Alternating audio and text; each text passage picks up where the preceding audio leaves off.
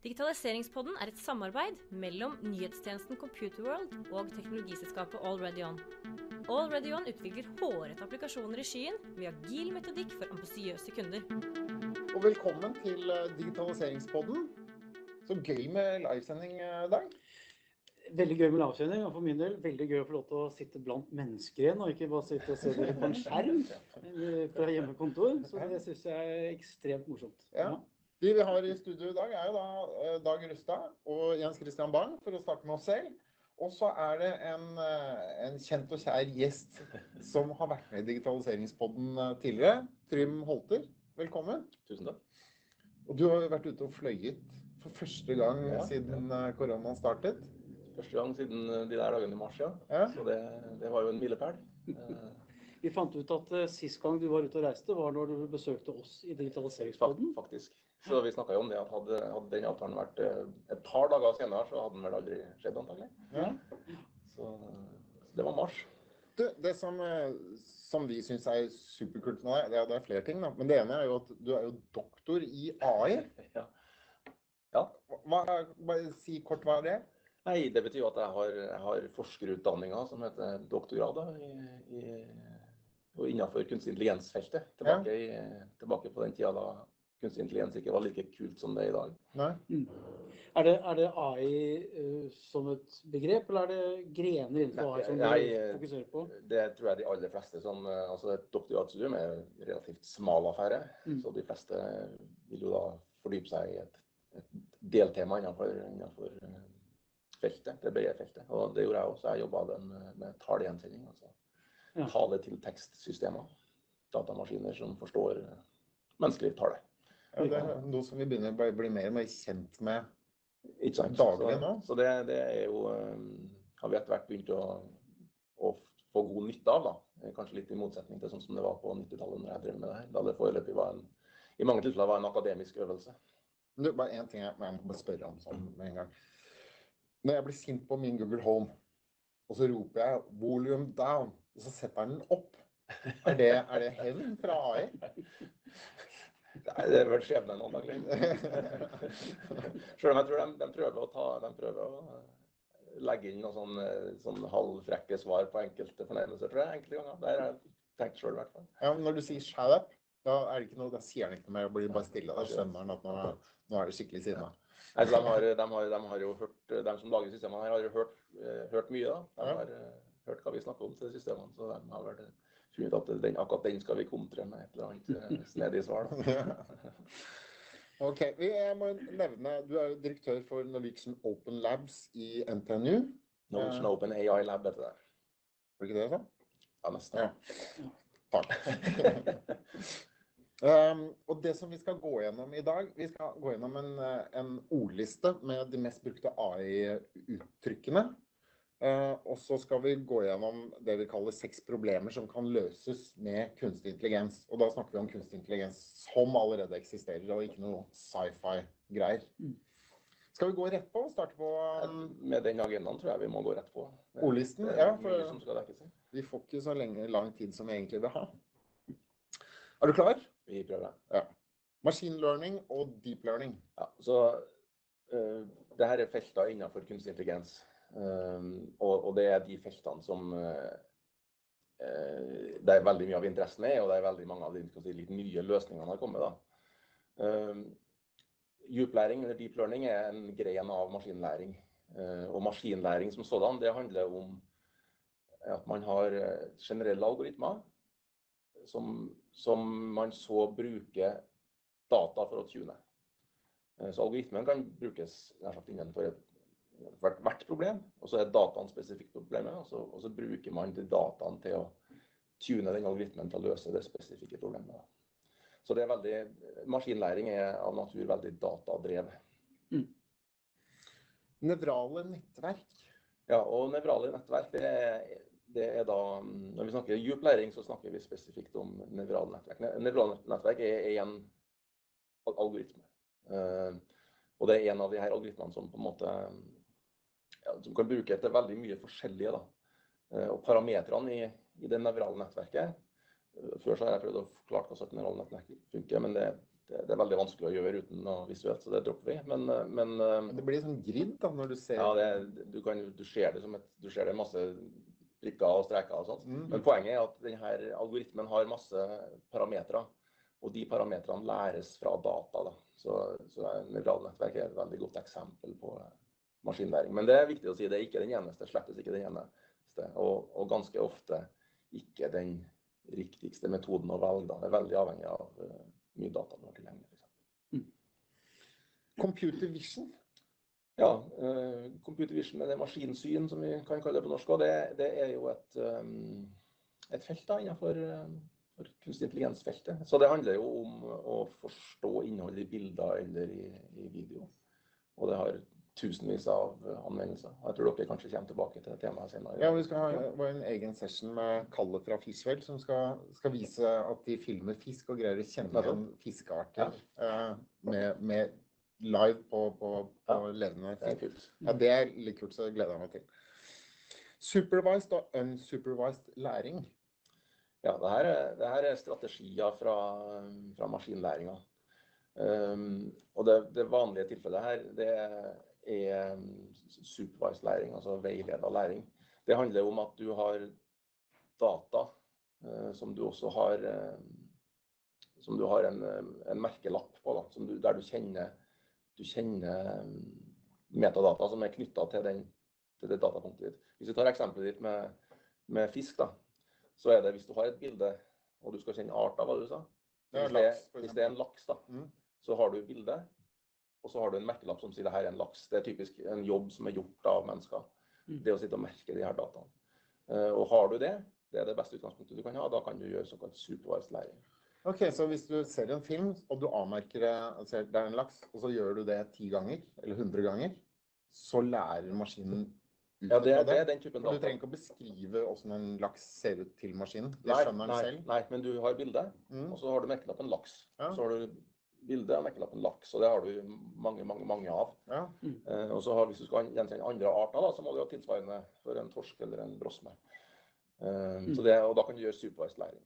Da høres det jo ikke helt umulig å få, få til. Nei, men det er veldig arbeidskrevende å merke data. Ja. Det er en, veldig ofte begrensningen når man skal drive med, med maskinlæring. Det er at man ikke har nok data, og enda mindre grad har nok merka data. Clustering. Ja, så, så har du clustering eller klynging. Da. Det er hvis du ikke har, eh, hvis du ikke har denne merkelappen. Så hvis du f.eks. har 1000 bilder av fisk, da, Mm. så kan du prøve Så finnes det metoder da, for å, for å gruppere de bildene som ligner på hverandre. Og forhåpentligvis så finner du da de bildene som har laks i seg. Og så finner du noen andre bilder som har torsk i seg. Du vet ikke at det er laks og torsk, men du, men du lager klynger og sier her er lignende, her er lignende fenomen. Her er en annen klynge som har lignende fenomen. Så du, du deler opp dataene dine Mm. eh, basert på interne likheter mellom samplene dine. Ja, og det gir deg Ja, Det gir deg et utgangspunkt, for da kan du etterpå gjøre trening på det. da. Eller vi, kan, eh, vi skal snakke om sånne anbefalingssystemer senere, mm. der, du, der du er på jakt etter forbrukermønster f.eks. Så det at hvis du finner en sånn klynge med, med folk som har samme oppførsel, så kan du, kan du benytte deg av det i, i metodene dine. autonomi. Ja, autonomi er jo populært uh, i kanskje autonome kjøretøy er det vi kjenner aller mest. Det er et veldig spennende og kraftfullt uh, framtidskonsept. Delvis, delvis er, ikke sant? Men, men det handler om selvstyring. Ja. Det handler om styring uten menneskelig. Talegjenkjenning. Det har vi også vært Ja, litt innom. Takk for at du tar opp det. Det er jo mitt felt. Så, så det handler jo om tale til tekster. Ja. Eh, Så det handler om å prøve å, å forstå menneskelig tale og, og klare å gjøre om det til tekst. Og chatbot. Ja, chatbot er et annet tema fra, fra den litt videre paraplyen som vi kan kalle språkteknologi. Uh, chatbots er jo blitt vanligere. Eh, Mange, mange har det som en frontend i kundebehandling f.eks. Så det handler om å få eh, typisk da, spørsmål inn, og så automatisk klare å forstå meningen bak spørsmålet og gi et fornuftig svar. Nå har jeg hørt at veldig mange av de som har chatbots i dag, de har jo nå trenere som driver og trener chatboten. Ja, og det var jo de som tidligere jobbet på support og svarte på spørsmål. Og så kommer da, når det kommer spørsmål og, og chatboten ikke er helt sikker, så får den assistanse. Og det blir egentlig som å, å bare sørge for å, å automatisere det. Og fortsette, fortsette å hjelpe den å gjøre eh, Men er, er det machine learning igjen, da, eller? For du Ja. lærer jo opp en maskin. Ja da, så, så altså skal du forstå Det, det finnes mange eh, kompleksit, altså mange, noen avanserte, noen mindre avanserte. da, for å si sånn. Men, men det er klart det å forstå meninga bak et spørsmål er egentlig en relativt kompleks oppgave. Ikke bare en relativt, det er en kompleks oppgave. Mm. Um, så det, der brukes det maskinlæring i, i de avanserte systemene. Bra, det var ordlisten. Ja, nå skal vi over på seks problemer som kan løses med kunstig intelligens. Ja, eh, og de seks eh, områdene vi skal dekke i dag, det er anbefalingssystemer. Vi skal innom to eh, typer prediksjonsområder. Vi skal innom maskinsyn, eller computer vision. Og så skal vi innom eh, språk- eller talegjenkjenning. Og til slutt eh, spill og, eller gaming, da. Ja. De områdene. Så eh, i, altså, i forhold til tiltenkt eh, tid, så må vi vel bare kjøre på. ja. Så vi begynner rett på nummer én, og det er eh, anbefalingssystemer. Så du var litt innom det, dette her med å kunne Ja. eh, br- forbrukermønster etc. Ja, jeg tenkte det, er en grei plass å starte, fordi at eh, nesten alle som har, nesten alle som hører på i dag, de har allerede eh, brukt det her i dag. Sant? De har, I en eller annen form så har de vært borti i innhold som er tilpassa dem, basert på deres forbruksmønster. Um, så det ser vi jo i nettavisene som presenterer innhold til oss. Vi ser det i Facebook-feeden vår, vi ser det i eh, alle sånne sosiale medier-feeder. Um, vi ser det i, um, når vi konsumerer andre typer medier. altså Netflix uh, sender i hvert fall meg stadig vekk eh, eh, forslag til filmer jeg bør se. Vi har ikke vært eh, fra starten av smart nok til å dele opp eh, kontoene hjemme, så jeg får, jeg, jeg får mange filmer som jeg tenker den der eh, passer nok bedre til sønnen min. um, Men det er også en morsom måte å, å avsløre ja da, ja da. prediksjonene på. Ja. Så det, men det her handler jo om at de, at, på, at de på en måte prøver å finne eh, likheter mellom mitt forbruksmønster og, og så finne, finn andre forbruksmønster som ligner på mitt. da. Mm. Og så bruker du det til å si eh, hva annet bør du se på? Mm. Eller hva annet bør du høre på, eller hva annet bør du lese? ikke sant? Mm. Eh, fordi eh, denne gruppa mennesker som tidligere har ligna på, på, på deg, de har også sett den og den og den. Eller hørt den. og Men det høres ikke sånn veldig avansert ut. Altså Hvis du har sett en film, og den er i actionsjangeren, og det er Clint Eastwood, Mm. og du ser fire Clint Eastwood-filmer, Mm. og det er action, så burde det ikke være så vanskelig å predikere at Nei, nei, og de treffer jo rimelig godt òg. Ja. Så, så, så det, det, det er nok en relativt moden teknologi. da, og Det er derfor jeg sier at veldig mange bruker det, enten de vet det eller, eller vil det. Hvilke temaer kan være vanskeligere? Um, ja, innenfor det her området, tenker du på? Ja, ja, Nei, det, altså, det, som, det som ville vært vanskeligere, da, det er å prøve å lage de der reglene. Altså, så ha, ha, hvis Netflix hadde folk som satt og, sa, satt og lag, sa OK, if, hvis du har sett Clint Eastwood-film, eh, foreslår Clint Eastwood-filmer. Altså Hvis du kan sitte og lage sånne regler, Mm. Mm. så er det både mer komplisert, eh, arbeidskrevende og antageligvis mindre treffsikkert da, enn det å bruke algoritmer for å gjøre det samme. Men jeg, vil bare skyte inn at en av de kanskje viktigste og vanskeligste tingene for å få eh, gode anbefalingssystemer, det er å få koblet data sammen på tvers i systemene. Eh, Det klassiske eksempelet med at eh, selgeren får beskjed om at ja, nå er herr Hansen klar til å kjøpe en ny Volvo. Men så vet vi ikke at herr Hansen nettopp hatt bilen sin på service er eitrende forbanna fordi han fikk en dårlig opplevelse på service. Altså, disse dataene snakker ikke sammen. Så det å koble data sammen i en, i en, eh, en algoritme, det er jo det som er store store Ja, det ville ha vært, det ville ha vært et, et, et langt skritt videre, da, for å si Mm. det sånn. Da tar du inn kanskje flere aspekter. De fleste her systemene virker innenfor litt sånn eh, smale kontekster. da. Mm. Eh, Netflix. eh, som, som, som på en måte Nå vet ikke jeg hva som går inn i de, hva slags inndata de har, men jeg vil tro at det handler jo veldig mye om hva du har sett på tidligere. Og Mm. hva andre folk har sett på tidligere. Vi må videre til neste punkt. tror jeg. Det må vi. Prediksjon. Eh, klassifisering. Ja, jeg tenker vi kan snakke om eh, det her med å prøve å se inn i framtida. For det, det, jeg tror, tror det her at folk tenker at kunstig intelligens ofte er litt sånn magisk og kanskje litt skummelt. Um, men poenget mitt her da, det er at det, det er egentlig um, det er egentlig ikke så skummelt. Uh, altså Kunstig intelligens handler om å prøve å se mønster i data. Eh, og hvis du, ser, hvis du finner det mønsteret i data, så kan du kanskje også forutsi hva som skjer, hva som skjer fram i tid. ikke sant? Så, så um, hvis, vi, hvis, vi, først tenker på sånn uh, Altså at man har et La, la oss tenke kraftkonsum, f.eks. Eller trafikk. Eller jeg tror vi, jeg tror vi har, har cutters her i dag som kan snakke om hvordan de bemanner frisørsalongene sine. Mm. Det å kunne på en måte eh, fra en ganske rik, rik datainput, med sikkert værmelding og, og tid på året og, og, den nære historien og den lange historien, så kan du finne igjen et mønster som sier deg noe om hva vil skje neste. Så, så, så hvor mye kraft, hvor mye, mye energi eh, vil bli konsumert innenfor et geografisk område i morgen. Værmelding vil helt sikkert ha masse med saken å gjøre. Men også om det er en hverdag eller en hellig dag. Um, og denne typen litt sånn komplekse sammenhenger, da, det er data fra så mange plasser. Um, det er kanskje ikke vi mennesker trent til, også, um, til å se mønster i. Og Derfor så syns vi det er litt magisk. at Det blir for mange datastrømmer til at vi ja, det blir, det blir for mange og for sammensatte datastrømmer til at du klarer helt å mm. at, at, vi er trent fra evolusjonens side, ikke sant? trent til å, til å se det mønsteret. Um, så, så, så, eksempler på sånn prediksjon eh, kan være som jeg sier, kraft, kraftkonsum kan være et sånt, eller kraftproduksjon. Jeg vet at vi har energiselskaper som bruker det til å estimere produksjonen fra, fra vindmølleparker. Eh, og de sier at, eh, at algoritmene slår eh, De har jo hatt modeller tidligere, men denne, denne typen nye algoritmer slår de gamle metodene deres. Og, og intuisjon og, og synsing. Ja. Um, og det er ofte poenget, da, å treffe godt i snitt. Du vet jo, på, I kraftbransjen, de som sitter og overvåker hver enkelt husstand, de kan jo se hva slags type kjøleskap du har. Se når du skrur på kjøleskapet. De kan begynne etter hvert å se om det er unge eller gamle mennesker som bor i, i, ut ifra Forbruksmønster. Ja. ja. Så når du skrur på dusjen og har dusjen lenge på, så kan de gjette på om det er mann eller kvinne eller Ja, det er smarte hjem eh, altså Hjemmet forteller nok mye om deg ja, hvis du begynner å, hvis du mm. leter etter mønster. Ja. Helt sikkert.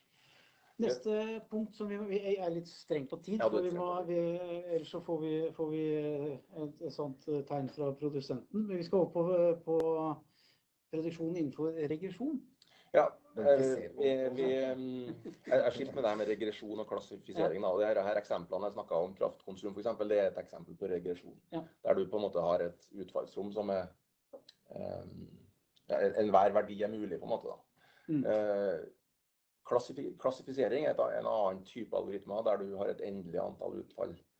Um, så Et eksempel der som jeg kan ta fra, fra ting vi har vært involvert i nylig, det er det å forutsi hva vil være den beste behandlinga basert på symptomene dine eh, og sykdomshistorien din f.eks. Der du har, kanskje, du har kanskje en håndfull sånne eh, behandlingsformer å velge blant. Mm. Eh, et avgrensa antall. ikke sant?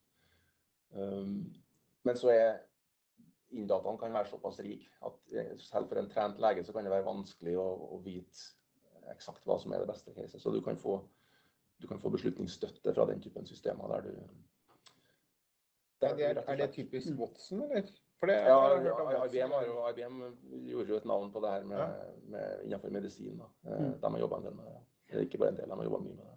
Ja, for de greier å komme med en diagnose i løpet av noen sekunder som en lege bruker tre uker på. Ja, ja, Så det er et litt annet, litt annet sted i kjeden. Mm. Uh, Still diagnosen. Så det er jo et, et, også et eksempel. Ja. Og det eksempelet jeg snakka om, det var at du har måte, diagnosen, men likevel så er det migrene. Sånt, hva, ja. hva, er den beste behandlingsformen? Ikke, ikke nødvendigvis gitt.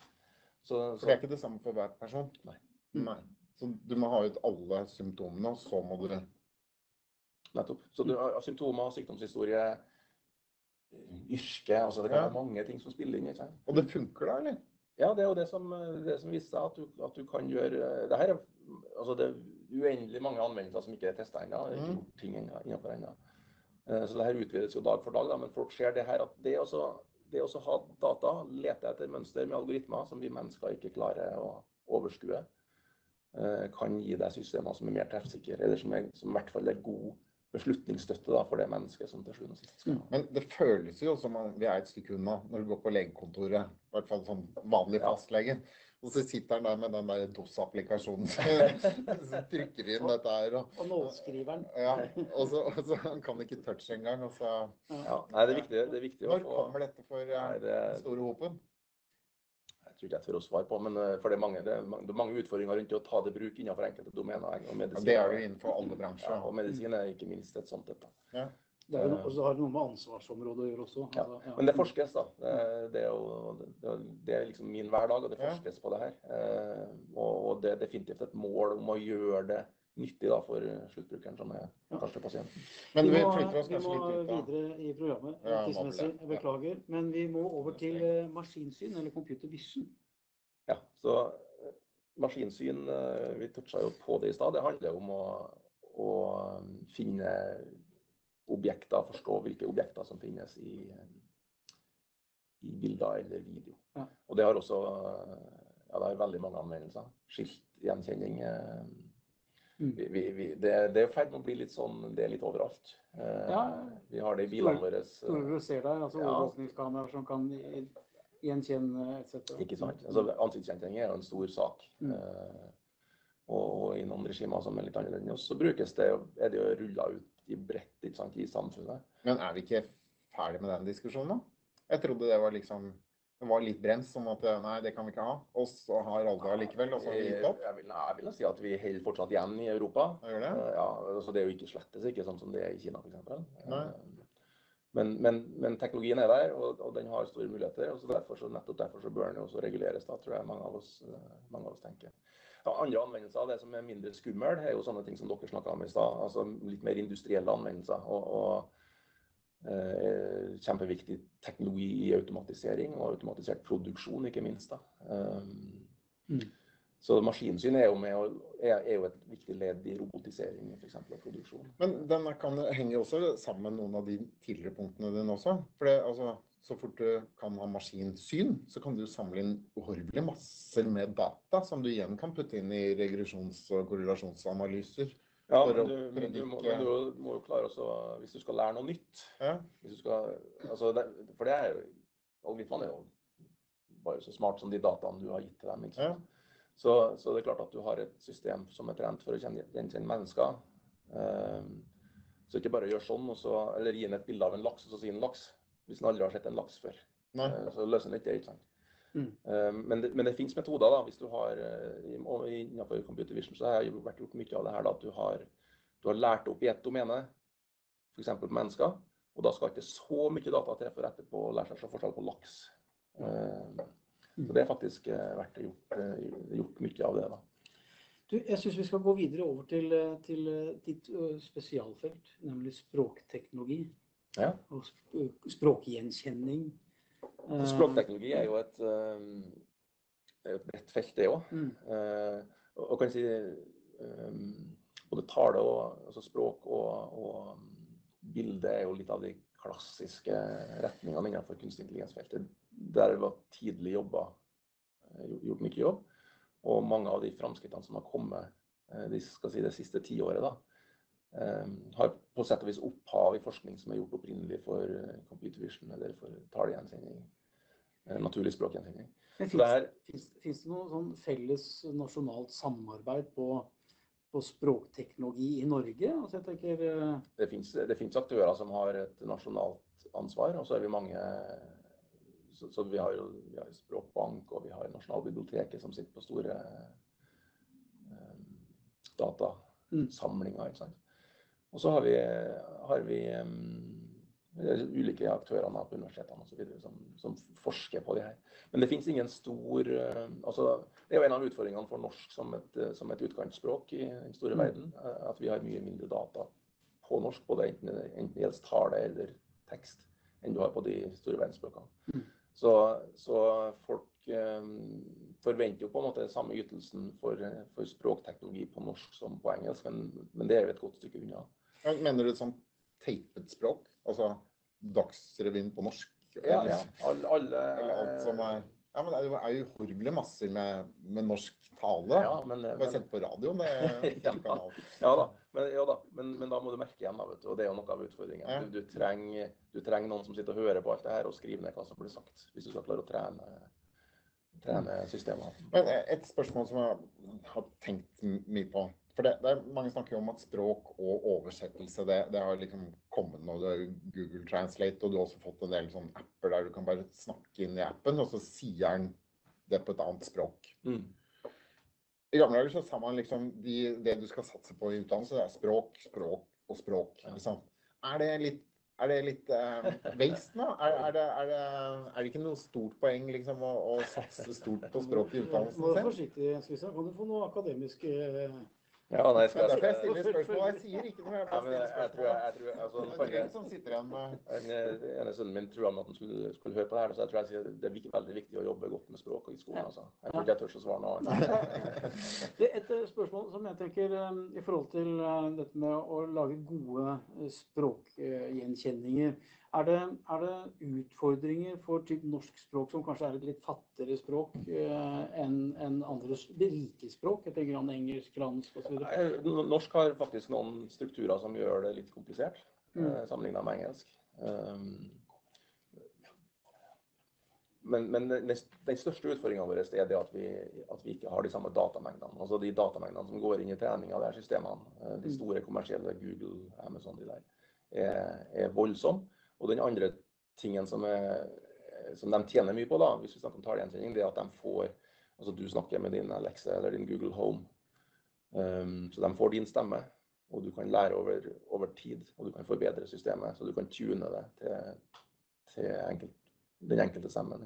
Mm. Uh, pluss at du får tale fra alle de andre hjemmene i Norge som også bruker Google Home. Og de kan stadig forbedre systemene sine. Så det er en fordel de har i den der typen nettverker. Har vi ett minutt igjen ja, vi må, på gaming? Vi må kjøre siste, og det er spill og gaming. Ja, ja, vi, vi snakka eh, om det når vi snakka sammen sist. og det med, Da var det ikke så lenge siden sjakk, eh, en av de siste store sjakkeventene. Og nå har det vært, eh, vært sjakk igjen. Um, så det er jo en litt annen type algoritmer. Men, Mellom maskiner? Nei, mellom menneske og, og maskin, kan du si. da. Altså, De, de der sjakkomputerne har jo blitt De ut, utkonkurrerer jo sjøl Magnus Carlsen. ikke sant? Men snakker vi litt sånn at man kan tilpasse, altså individuell tilpasning av spill på bakgrunn av AI?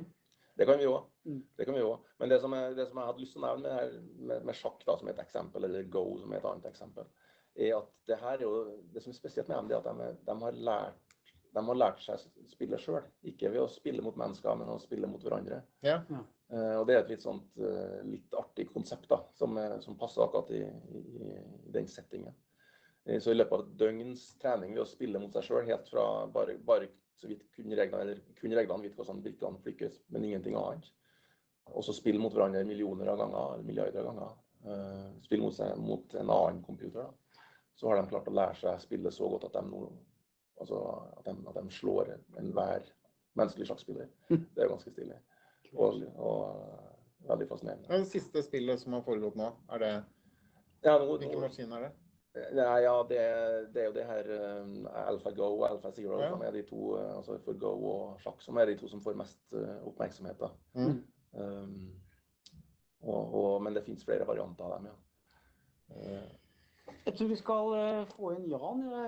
For nå ser jeg at tiden vår har gått ut. Ja. Uh, er det noe Ja, det har, det har kommet en del spørsmål. Det er mange som ser på dere. Så det, er, det har kommet et spørsmål bl.a. om etikk og AI. Det er en som lurer på om du ser for deg en fremtid der AI kan ta etiske beslutninger? Eller om det er et domene der kanskje den menneskelige At det fremdeles er behov for et menneskelig driv? Det er et godt spørsmål. Mm. Altså, jeg, jeg, tror jo at uh, det, For det første så er det menneskenes ansvar altså det, er, det, er, vårt ansvar å sørge for at algoritmene ikke kan ta ikke-etiske beslutninger. på en måte. Um, så vi, vi, må jo være i styringa for det her, og det kommer vi til å være i, i overskuelig framtid. Mm. Eh, for, for, meg eh, så, så, er etikken i veldig stor grad knytta til altså det er nesten alltid, Når vi snakker om etiske problemstillinger, så snakker vi om personvernsutfordringene som ligger i det. Um, og Derfor så er det bra at vi på en måte har fokus på det. Og vi har gjort en del ting i Norge. Europa det er liksom litt sånn Europas um, uh, aksje i AI. da. Eh, Vi, vi er ikke størst og sterkest i AI, men vi kan kanskje være best på etisk AI. Mm. Uh, og, Norge prøver også å være langt framme på det. da. Så vi har bl.a. den såkalte Sandkassen som Datatilsynet jobber med, som er et veldig spennende initiativ.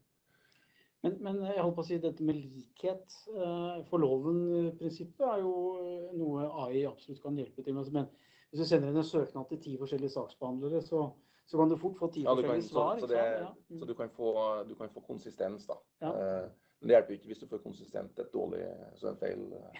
Så, du- så du må så, så, så, så det her er et kjempeviktig tema. og at Folk som jobber med, med kunstig intelligens eh, er veldig bevisste, tror jeg. da, Det er i hvert fall min opplevelse av det. Mm.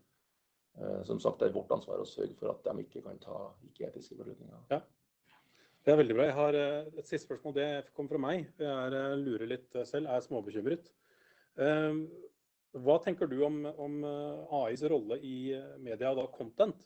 Vi vet jo allerede at AI skriver jo bl.a. kampreferater og mindre nyhetshistorier i dag. Uproblematisk å gjøre det egentlig uten at vi klarer å spotte det med en gang. Tror du det er en, en trend som kan gå videre? Jeg, tror jo at um, Altså det er, en, det er en bransje, tror jeg, som, som eh, endringen har vært til dels, som du sier, allerede skjedd. da. Eh, Og en, en, en, bransje som, som er voldsomt ut, si, utsatt for, Mm. for endring. Jeg har tenkt iblant at um, at det er kanskje fake news og uh, trollfabrikker, skal jeg si det. Denne typen ting som kanskje gjør at vi igjen blir villige til å betale for nyheter. At vi vil, ta, vi vil ha nyheter fra en kilde vi tørs, som vi tør å stole på. Mm. Og at det vil kun skape betalingsvilje. Eh, Vi har kanskje vært noen år der vi måte, vi er vant med gratisaviser, og vi blir fornærma hvis vi må betale en krone for, for en måneds abonnement. Eh, Så, så eh, det er veldig mange veldig spennende altså fake news, deepfake, altså der du kan legge andre menneskers ord i munnen på en person, ikke sant? på video. Så hva er sannhet blir jo et eh, Det blir et, eh, et slag framover, tror jeg. Ja. Mm. Det er en kulturell greie også. Vi Ja. ser jo det på statsledere fra forskjellige steder i, i verden. De har jo forskjellig syn på sannhet. Jeg Ja, tror ikke de sitter og ljuger med vilje, jeg tror bare de føler at det de sier er sant. ja, kanskje.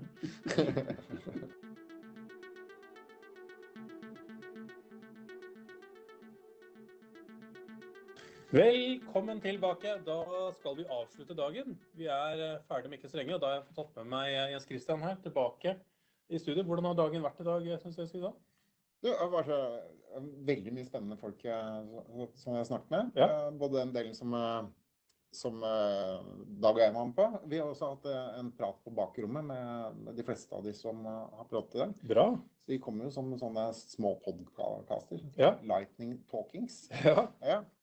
Og det har vært interessant. Er, vi har jo hatt veldig flinke folk med oss i dag, og det, jeg syns det har vært et forfriskende eh, kikk på AI, og ikke minst det å kunne se AI i bruk. At det ikke bare blir et begrep som man hører om.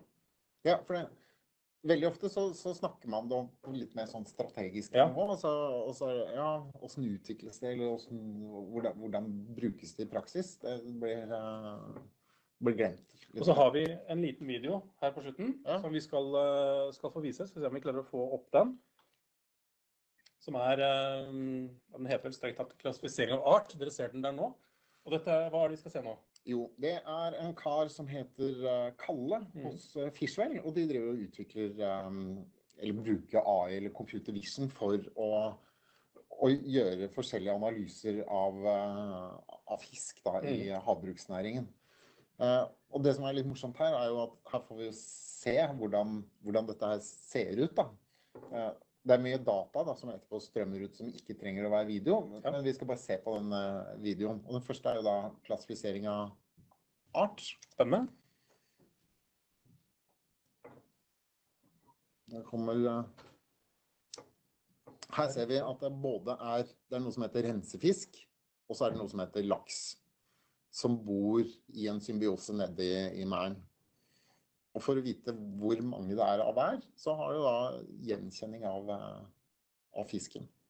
Så, og dette gjør de altså med, med kameraer da under, eh, under vann Ja. og, og bruker AI for å kunne kjenne igjen da disse, disse hva, hva heter disse små rensefiskene?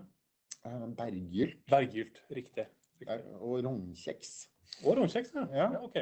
Begge, begge deler. andre har hørt at eh, det, det er mange fiskere nå som driver og fisker sånne typer fisk, og tjener mer på det enn på matfisk. Fordi de selger da til havbruksnæringen. Ja, er havbruksnæringen. det, jeg syns også det er spennende å se hvordan AI blir brukt, og ikke minst at vi går rett i hovednæringen i Norge. Det er eh, morsomt. Ja, det er jo liksom det norske gullet. ja, at det er der vi har lagt det. Olje, Olje litt, kanskje litt ut for miljøet mest. Olje er ut. Ja. Laks har den nye oljen, eh, tror jeg det er. Ja. Og så er det sporing og telling og identifisering.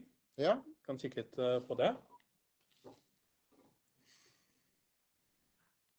Her ser du, hvis du ser, ser du den lille teksten som er til, til venstre, Ja. en litt liten tekst, men der, der teller den antall rensefisk og antall laks Ja, riktig. løpende. Og sånn som jeg har forstått det, og, på, for Kalle har forklart meg litt av dette her, og han sier at eh, at han greier å gjøre gjenkjenning på bevegelsen, altså bevegelsesmønsteret til fisken. Ja vel. Ikke sant? Det er det samme som eh, hvis du har filmet en, en bankraner som kommer løpende ut av, av banken Ja. med hette på, så, du ikke, så kan en, en maskin den kan, Hvis den ser at noen løper, så kan den se liksom bevegelsesmønsteret på, på, på et menneske. Og det er eh, like bra som et fingeravtrykk. Ja. Så kan du sette opp kamera, så kan du se alle som går forbi, og så kjenner du ja, det var uh, bankraneren. Kan du se deg ut fra Kult. Med fisk, altså. Ja, det er, eh, det er spennende, dette. Ja. Samlebånd, den er jo litt mer 2D. Men her, her ser du jo da fisken når de er uh, ja, fisket opp Ja. og ligger på samlebåndet. Og på den måten så kan du jo telle Ja. fisken. Det er jo ikke akkurat denne... eh, Altså, det er jo ikke typisk eh, en menneskeoppgave. Sitte og telle fisk. Det er ganske kjedelig. Alt alt her går jo i et, i et automatisert system, selvfølgelig. Så Ja. man, man følger jo da disse fiskene omtrent fra, fra de dukker opp i, eh, i disse næringene, helt til de er på ja, middagsbordet. Ja.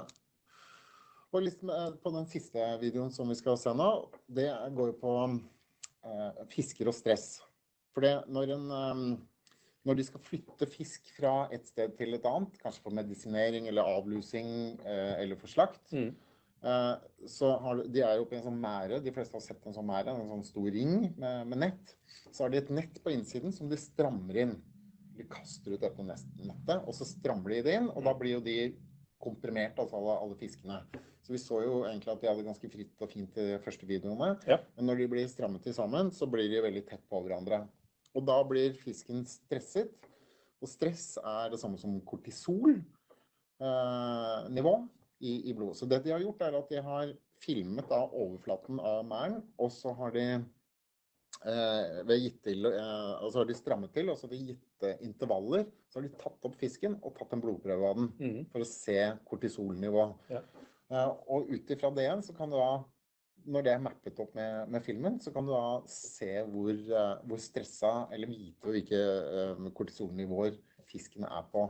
Okay. Ja. Og så har du da, eh, kan jo da en veterinær fortelle hva som er skadelig kortisolnivå, Mm. så at du passer på at, eh, at du ikke overstiger den. Så vi kan se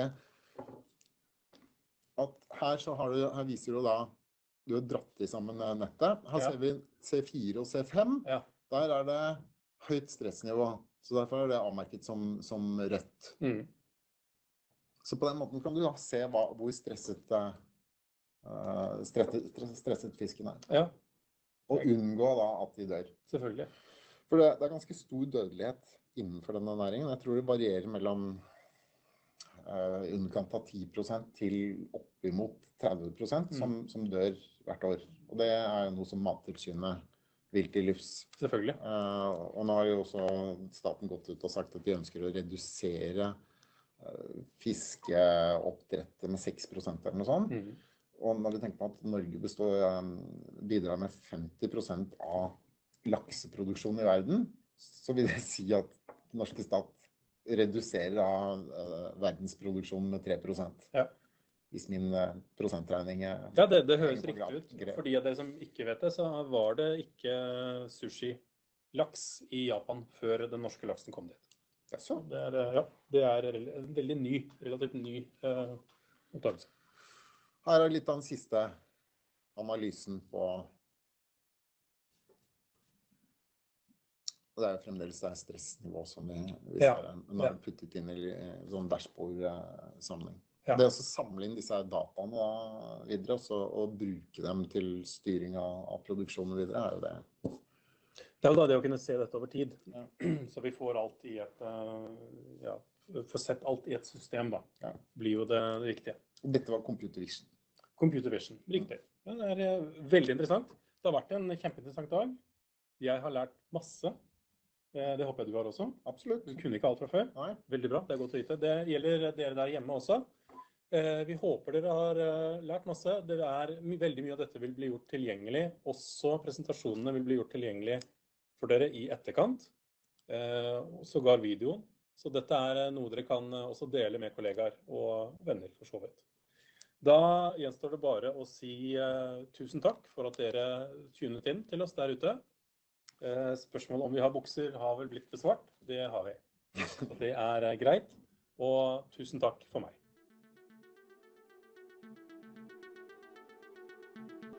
Takk til alle nerder, savvies og futurister som gir digitaliseringspodden mening. Dag og Jens Kristian blir kjempeglad om du abonnerer og gir oss en strålende anmeldelse. Vil du lære mer om digitalisering, kan du laste ned digitaliseringsguiden fra allreadyon.com slash digitalisering. Til vi høres igjen, ha en fantastisk uke.